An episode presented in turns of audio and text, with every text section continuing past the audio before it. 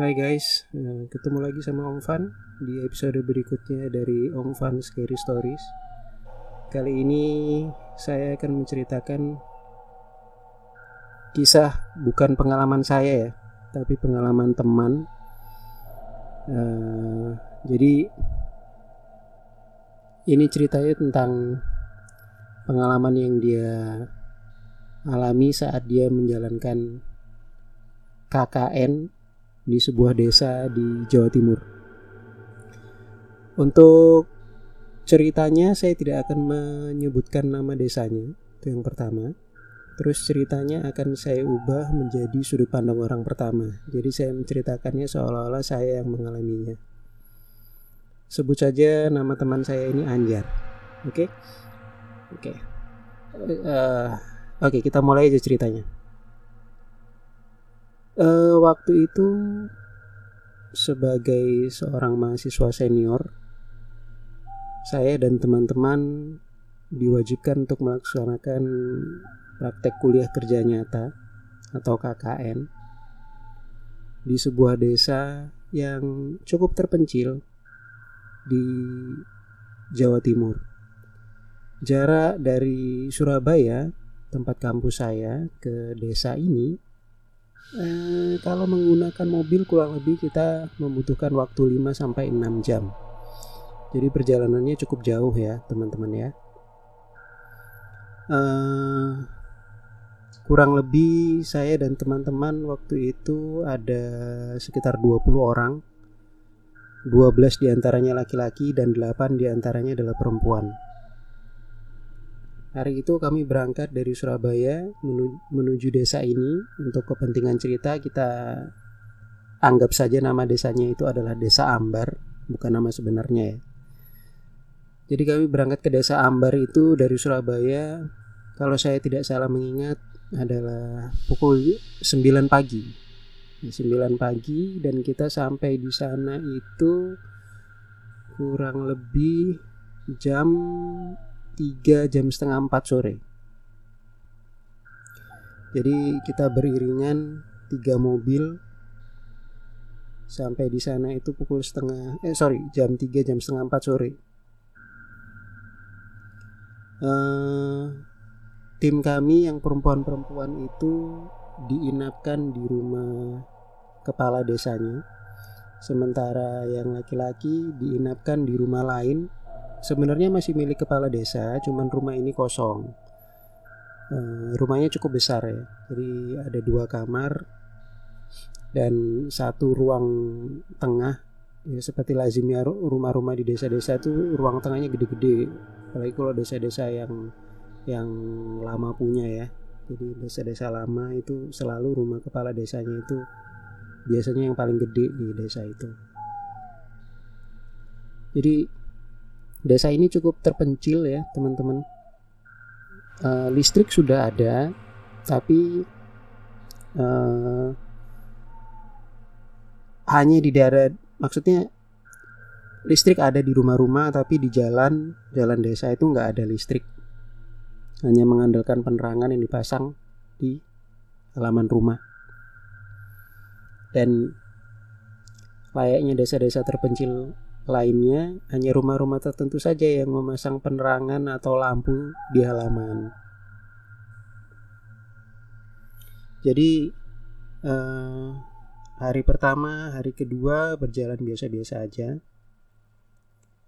Eh, pada saat kami masuk ke desa itu, kemudian kita dipisah, kita diantarkan, yang laki-laki diantarkan ke rumah yang akan kami inapin Uh, sebelum kembali kepala desa itu sebut saja namanya Pak Ahmad ya.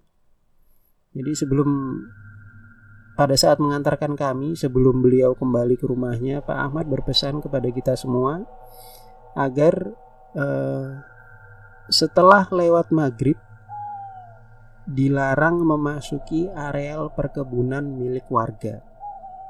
Jadi setelah maghrib itu nggak boleh lewat masuk ke area perkebunan warga walaupun kebunnya nggak dipagar.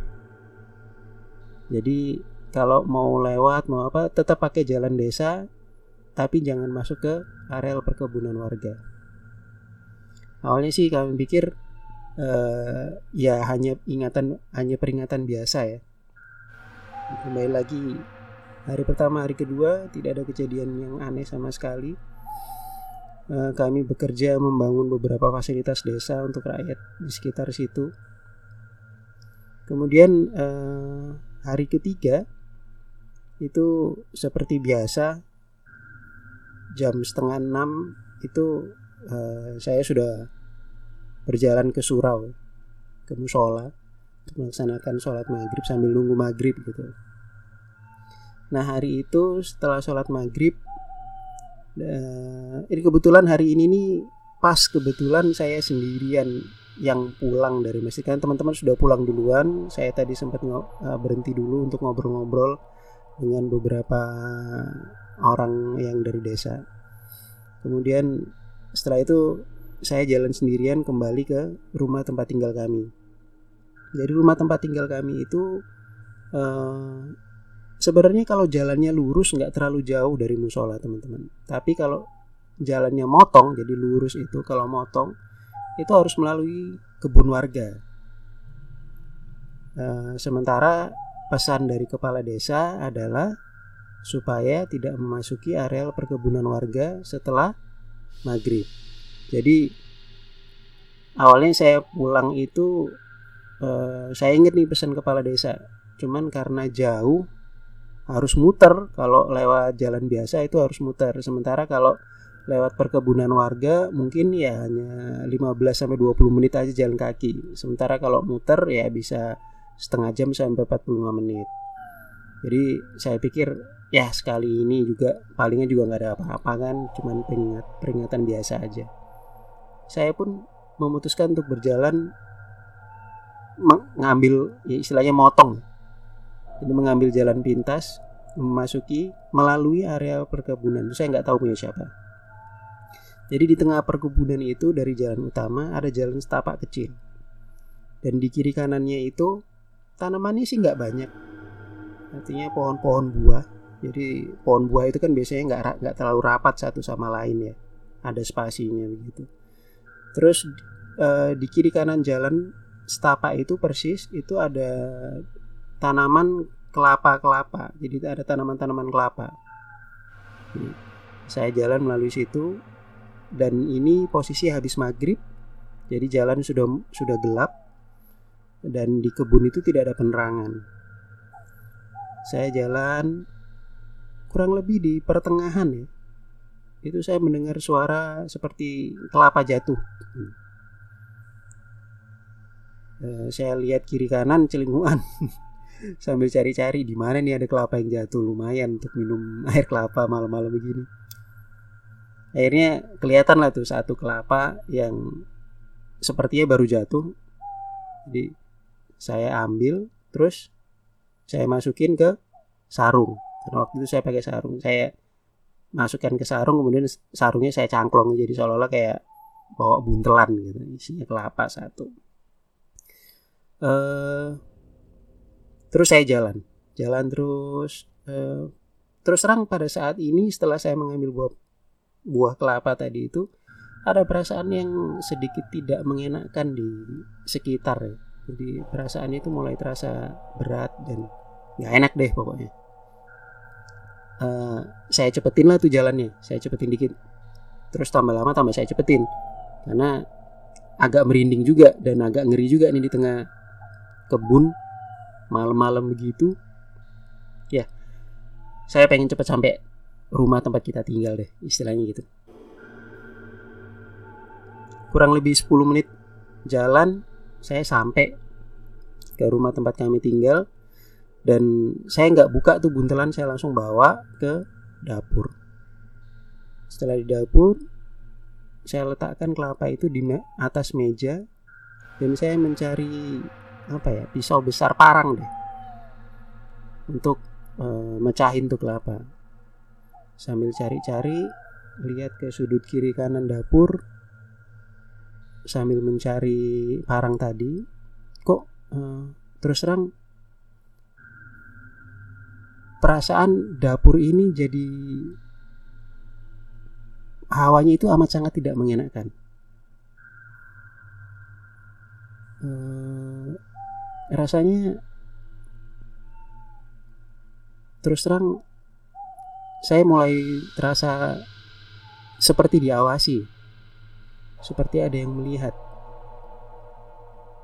Saya lihat kiri kanan, mencari di sekitar, apa mungkin ada yang ngeliatin dari jendela? Nggak ada, nggak ada siapa-siapa.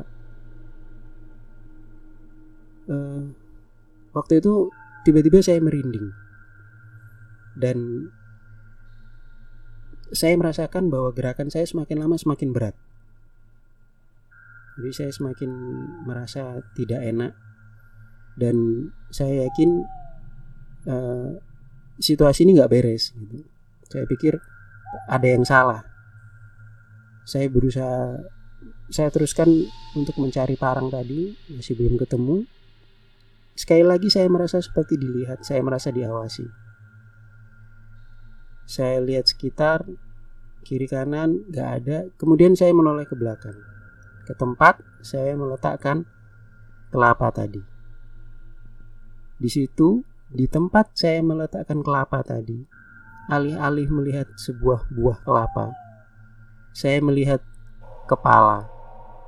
Kepala seorang laki-laki yang menyeringai lebar. Matanya merah dan dia memandang saya dengan penuh amarah. Melihat hal seperti itu uh, saya kaget. Kaget banget saya teriak dan kemudian semuanya gelap. Saya tidak tahu apa yang terjadi. Anjar teman saya yang menceritakan tadi itu jatuh pingsan. Dan dia ditemukan oleh teman-temannya yang bergegas ke dapur karena mendengar teriakannya. Dia pingsan dan tidak sadar hingga keesokan harinya dan selama dia pingsan dia terus-menerus meracau kata-kata yang teman-temannya juga merasa bahwa itu tidak jelas. Suhu badannya tinggi. Keesokan harinya uh, maaf, bukan keesokan harinya, malam itu juga uh, teman-teman Anjar memberitahu kepada kepala desa dan kepala desa pun datang ke rumah mereka tempat tinggal mereka ditemani oleh salah satu tetua desa. Jadi tetua desa ini yang kemudian uh, melakukan ritual untuk terapi si Anjar. Kemudian menjelang subuh itu dia bisa tenang dan tidur. Walaupun suhu tubuhnya masih tinggi Keesokan harinya, saat Anjar sudah mulai bisa, saat Anjar sudah sadar, uh, dia tidak ingat apa-apa kecuali hingga dia ingatannya itu hanya sebatas saat dia melihat kepala yang ada di atas meja itu saja. Kepala desa menjelaskan kepada teman-temannya bahwa uh, ini adalah praktek penduduk desa untuk uh, melindungi kebun mereka. Jadi alih-alih pakai pagar fisik atau hewan penjaga kebun, jadi mereka dengan sengaja istilah Jawanya itu magri, jadi memagari desanya itu dengan pagar-pagar gaib. Jadi uh, itulah sebabnya kepala desa memberikan peringatan untuk tidak memasuki areal perkebunan warga setelah maghrib. Keesokan harinya setelah bisa sadar, uh, Anjar diantar pulang kembali ke Surabaya karena fisiknya tidak memungkinkan bagi dia untuk meneruskan KKN. Baik teman-teman, uh, cerita dari Bung Anjar ini, uh, ini sesuatu yang sebenarnya cukup. Kalau saya sih cukup banyak menemui kasus-kasus seperti ini ya. Kalau teman-teman ingat di cerita saya yang pertama di Bromo itu saya berkata bahwa saya berjalan melalui beberapa kebun warga. Sebenarnya di kebun-kebun itu juga uh, saya sempat memperhatikan beberapa sosok sosok-sosok yang mirip manusia, mirip ya. Tidak saya sebutkan di cerita tersebut eh, karena baru sekarang waktu saya menceritakan kisah ini saya mengingat bahwa sebenarnya waktu itu saya melihat beberapa sosok itu. Tapi karena saya tidak merasakan adanya apa ya uh, niatan untuk sorry bukan niatan, saya tidak merasakan adanya agresivitas. Nah kayak uh, waktu itu waktu menceritakan kisah di Bromo itu saya tidak mengingatnya sama sekali. Oke, uh, segini dulu kisah untuk episode kali ini. Untuk teman-teman yang ingin mengirimkan cerita, pengalaman, eh, bisa kirim ke email saya. Emailnya ada di deskripsi podcastnya. Oke, okay? thank you.